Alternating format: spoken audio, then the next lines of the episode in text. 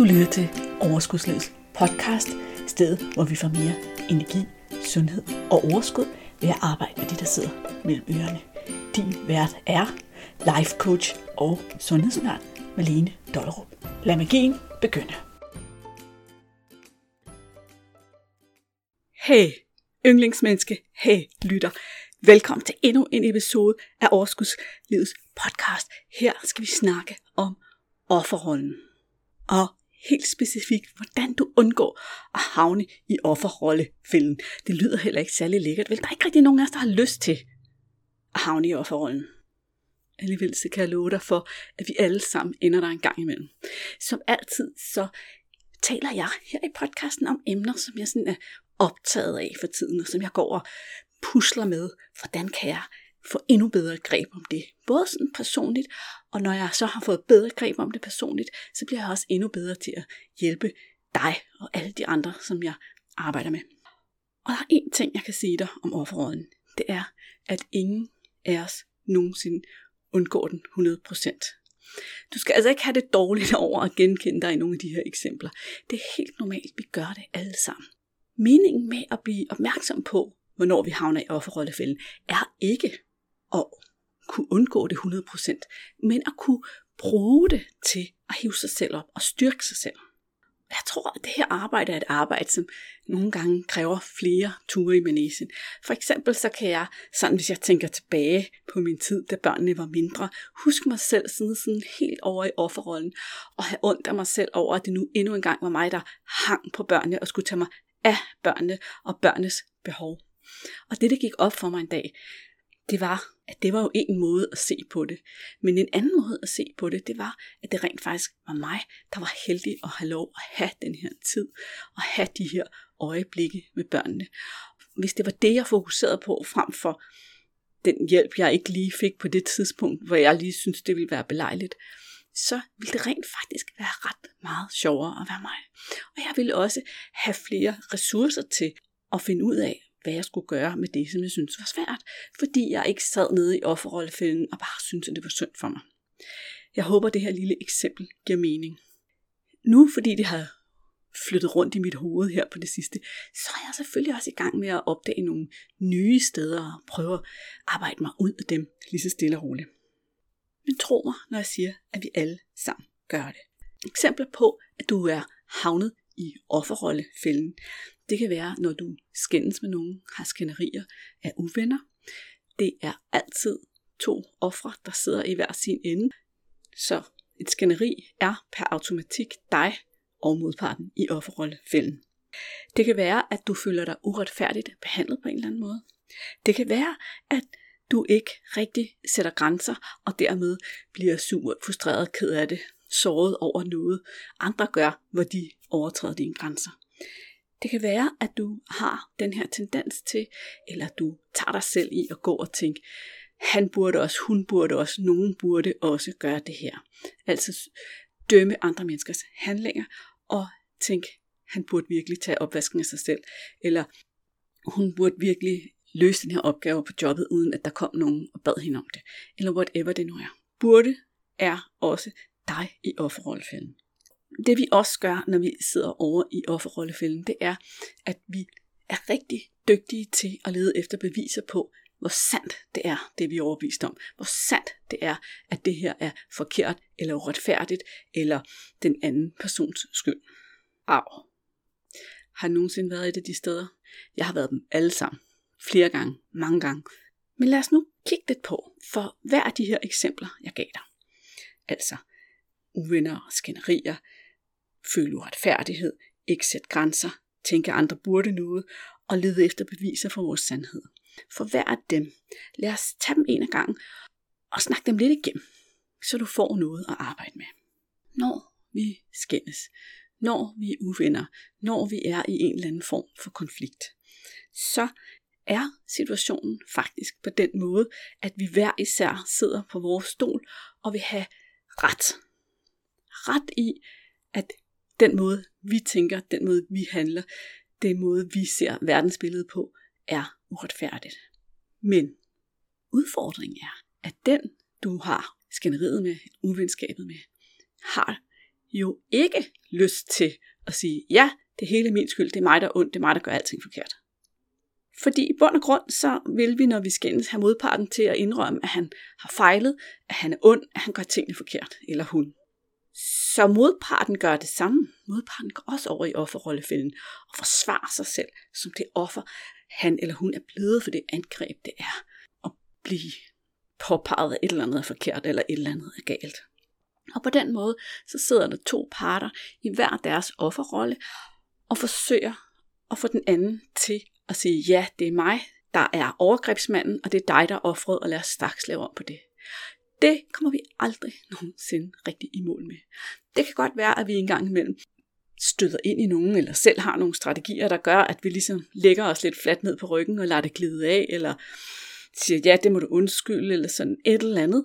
Men i bund og grund, så får vi aldrig den ting, vi virkelig vil have ud af skænderiet, nemlig ret i, at vi er 100% ofre, og den anden er 100% overgrebsmennesket. Måden, du hiver dig op af offerrollenfælden, måden du fjerner dig fra offerrollenfælden her, det er ved altid at være villig til at tage 100% ansvar. Kunsten er, at begge parter i virkeligheden skal tage 100% ansvar for situationen. Vi skal altså ikke gå og sige, nu tager jeg 30% ansvar, og så skal du have tage 70% ansvar. Vi skal begge to være villige til at tage 100% ansvar. På den måde vil vi altid kunne nå de bedste løsninger. Du kan ikke tvinge din modpart til at være villig til at tage 100% ansvar, men hvis du starter med at komme for 100% ansvar, så vil du meget sjældent ende i et skænderi. Og selv hvis du er i gang med et skænderi, og du sidder nede i offerrollen, og du får øje på, af, nu gør det ondt i min mave, fordi jeg skændes, fordi vi er uvenner over det her, så kan du til enhver tid stoppe op, erkende, at nu er du i offerrollen, og den eneste måde, det føles godt at komme ud af den rolle på, det er ved at tage 100% ansvar. Og det her, det kan vi føre ud over ikke bare skænderier eller uvenskaber mellem to mennesker.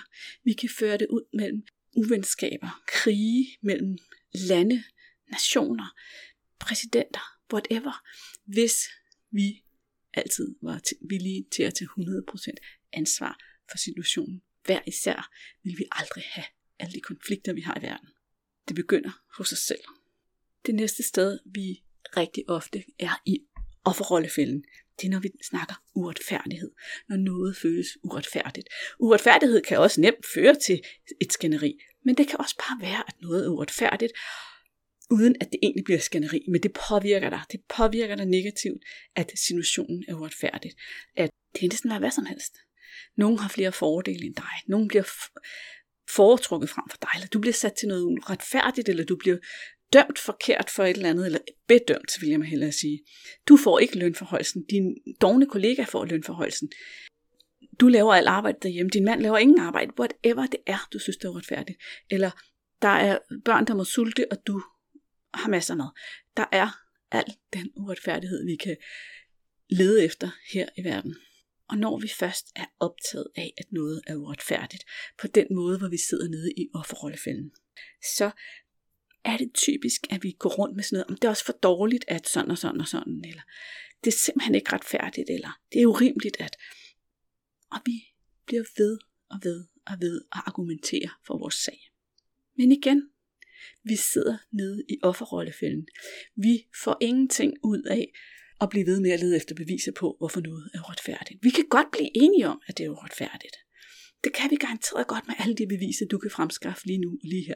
Jeg har i hvert fald masser af gange synes noget var uretfærdigt, og jeg har haft masser af beviser, og jeg er sikker på, at du vil være fuldstændig enig med mig, hvis jeg fremlagde min sag for dig. Men ved du hvad? Det holder mig nede i offerrollefælden, indtil at jeg kravler op og siger, hvordan kan jeg tage ansvar for den her situation? Hvad kan jeg gøre nu og her? Og det, der er så fint, det er, at lige så snart vi hiver os op af den offerrolle og kigger på, hvad vores muligheder er, så får vi styrke, så får vi handlemuligheder, så kan vi ændre tingene. Vi kan ændre situationer. Så mennesker, der er fjernet sig fra offerrollenfælden, det vil sige, hvad kan jeg gøre i den her situation?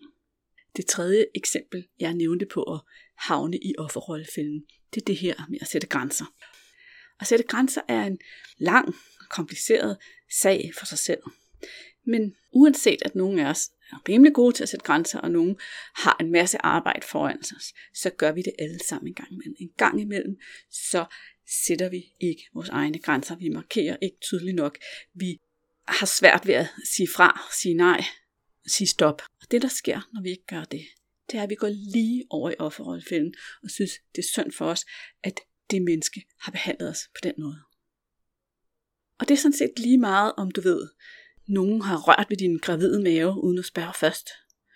Eller din svigermor bare kommer brusende ind i dit hus uden at spørge, og bare kommer og bestemmer alt muligt, eller giver børnene ting, du ikke vil have, børnene skal have, eller din chef giver dig opgaver, du ikke får sagt fra for. Altså, der er jo hundrede steder, vi kan kom til at lade være at sætte grænser. Og det er rigtig ofte vores indre manual, vores indre idé om, hvad vi kan tillade os, hvad vi kan være bekendt, og hvad de andre vil føle og tænke, hvis vi siger fra, som hindrer os i at sige fra. Og så i stedet for, så står vi derovre i offerrollen og har ondt os selv over, at det her er overgået os. Og synes, at modparten er en knold, fordi modparten har gjort det her mod os. Problemet er, at modparten holder ikke op med at overtræde dine grænser, så længe modparten ikke ved, hvor dine grænser er. Så vi skal op af offerrollefælden og igen og sige, det der, det bryder jeg mig ikke om. Jeg fik overtrådt mine grænser. Hvad gør jeg nu? Hvordan får jeg sagt fra næste gang? Hvad er det, mine muligheder er i de her situationer? Er der noget, jeg kan gøre nu? Kan jeg sige fra på bagkant? Det kommer jo helt an på, hvad det er for en situation.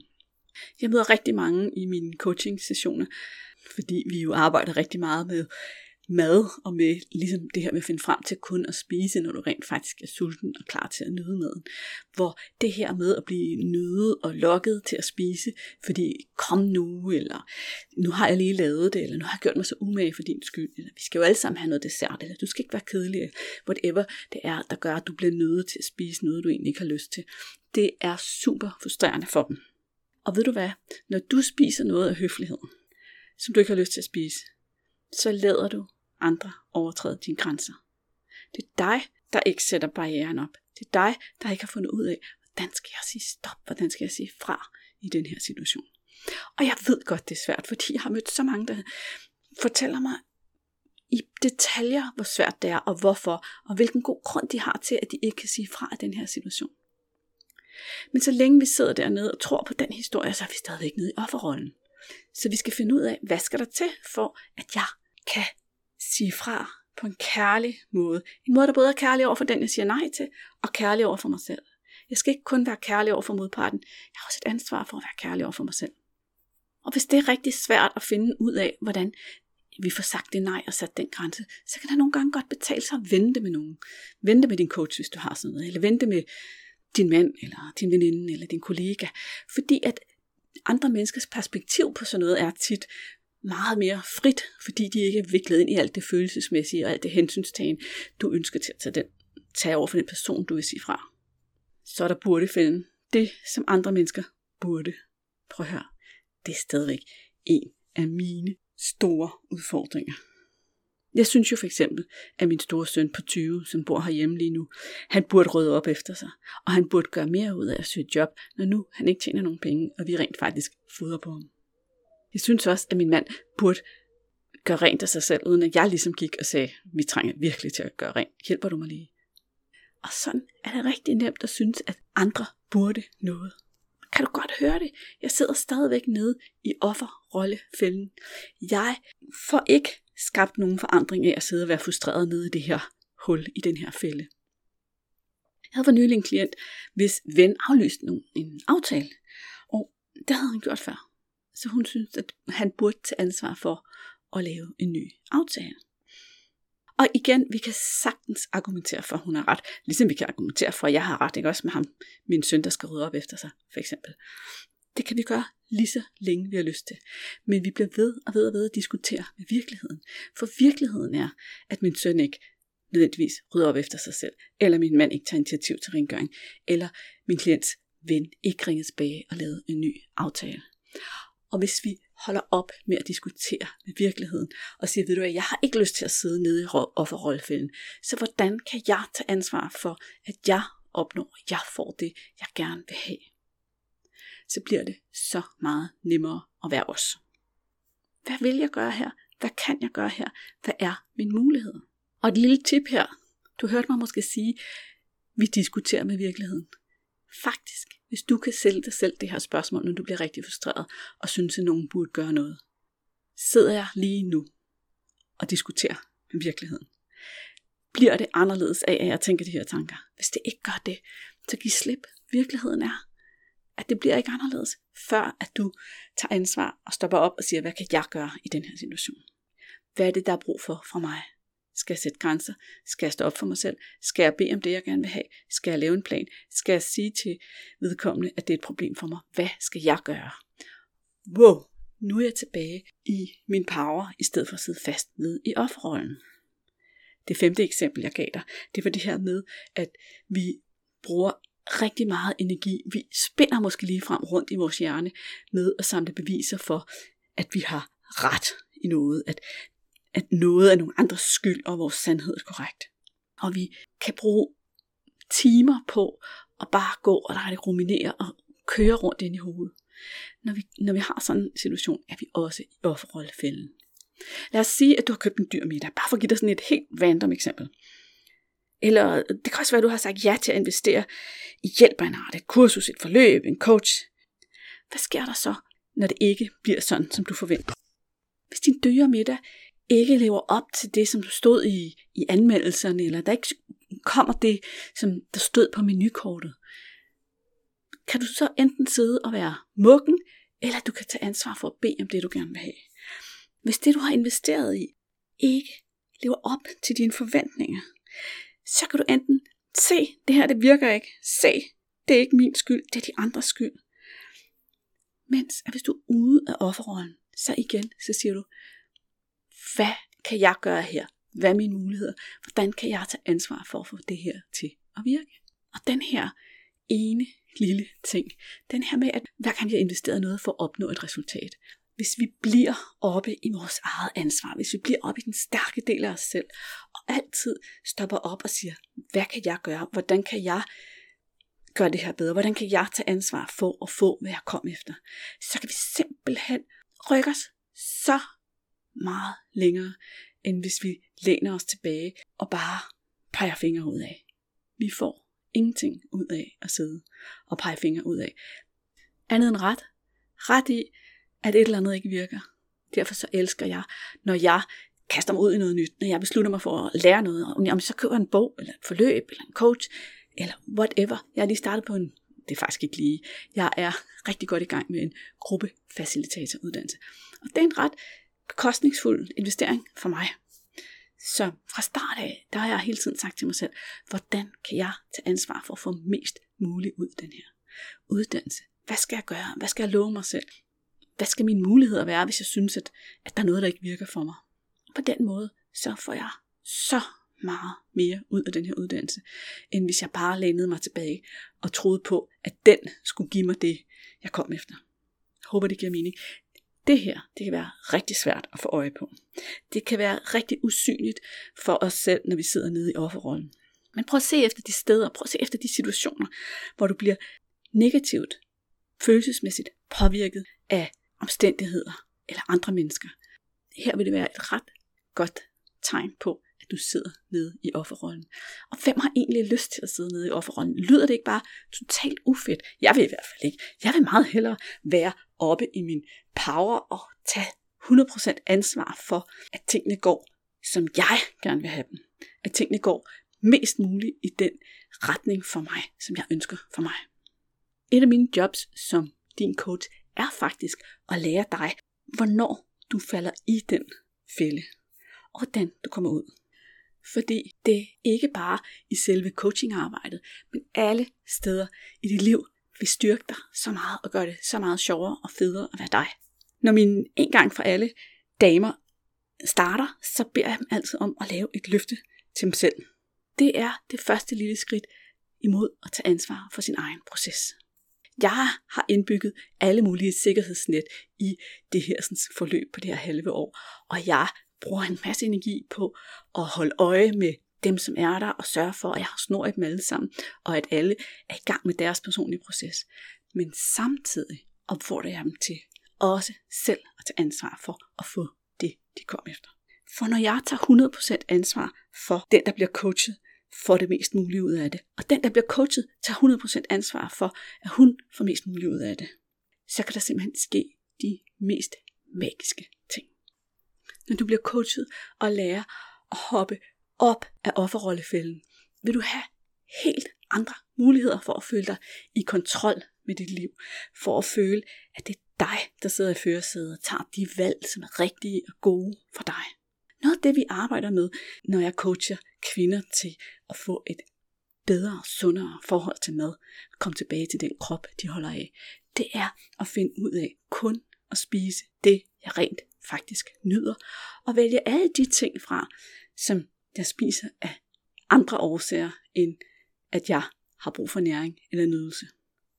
Og det er for de fleste menneskers vedkommende faktisk en del, når vi spiser for at ikke gå glip af noget, for ikke at føle os snydt for noget, fordi de andre gør det, fordi vi vil være sociale, fordi vi vil være selskabelige, fordi vi bliver nøde, fordi vi ikke kan finde ud af at sige nej tak, fordi vi er alt for trætte, fordi vores følelser er kørt afsted med os. Der er så mange årsager, og dem skal vi af med. En af de ting, der gør, at vi kan komme af med dem, det er, at vi bliver i stand til at kravle ud af offerrollen og tage ansvar for vores eget liv. Det er så meget sjovere at være der, hvor vi kan det. Nu vil jeg gerne invitere dig til at gå ud og få øje på nogle af de steder, vi har gennemgået her i podcasten, og prøve en gang at spørge dig selv, hvad vil der ske, hvis jeg tog 100% ansvar her? Jeg vil også gerne invitere dig til at tage ansvar for kvaliteten af det liv, du har lige nu. Og hvis det liv, du har lige nu, er fyldt med kampen med mad, med vægt og med kilo, der er tabt og taget på igen og igen og igen i en evighed, så vil jeg invitere dig til at investere i dig selv, den fremtid, der gør, at du ikke længere skal cykle rundt i det der mad- og kropsfængsel, og i stedet for komme med på én gang for alle og lære det, der skal til, og komme ind og løse de egentlige problemer, sådan at du kan få et sundt og lækkert afslappet forhold til mad. Du kan finde tilbage til den krop, som du går og drømmer om, og du kan føle dig fri og let og energifyldt. Brug din energi på noget bedre, end at tænke over mad og vægt igen og igen og igen og igen. Jeg har smidt et link i episodenoterne til hele beskrivelsen af en gang for alle. Men jeg vil også sige til dig, vi starter coaching 22. september. Det bliver en lille lukket gruppe med masser af plads til dig. Og har du brug for at snakke med mig inden, har du brug for at tjekke op på, om du er det rigtige fit, så skal du ikke tøve med at række ud. Jeg vil rigtig gerne tage en snak med dig og give dig en vurdering af, om du passer ind på holdet, eller om en til en coaching mere er vejen til dig, eller om du måske skal gå en helt anden vej. Du siger til, jeg sidder klar til at snakke med dig. Det var det for i dag. Tak for i dag. Vi hænger ud i dit øre igen om 14 dage. Hej hej. Hey, inden du løber, glem ikke at abonnere på podcasten, så du ikke går glip af en eneste episode. Og skulle du have fingre i den gratis videotræningsserie Vægtab med din hjerne, så smut ind på overskudsliddk videoserie så lander den første video i din indbakke i dag.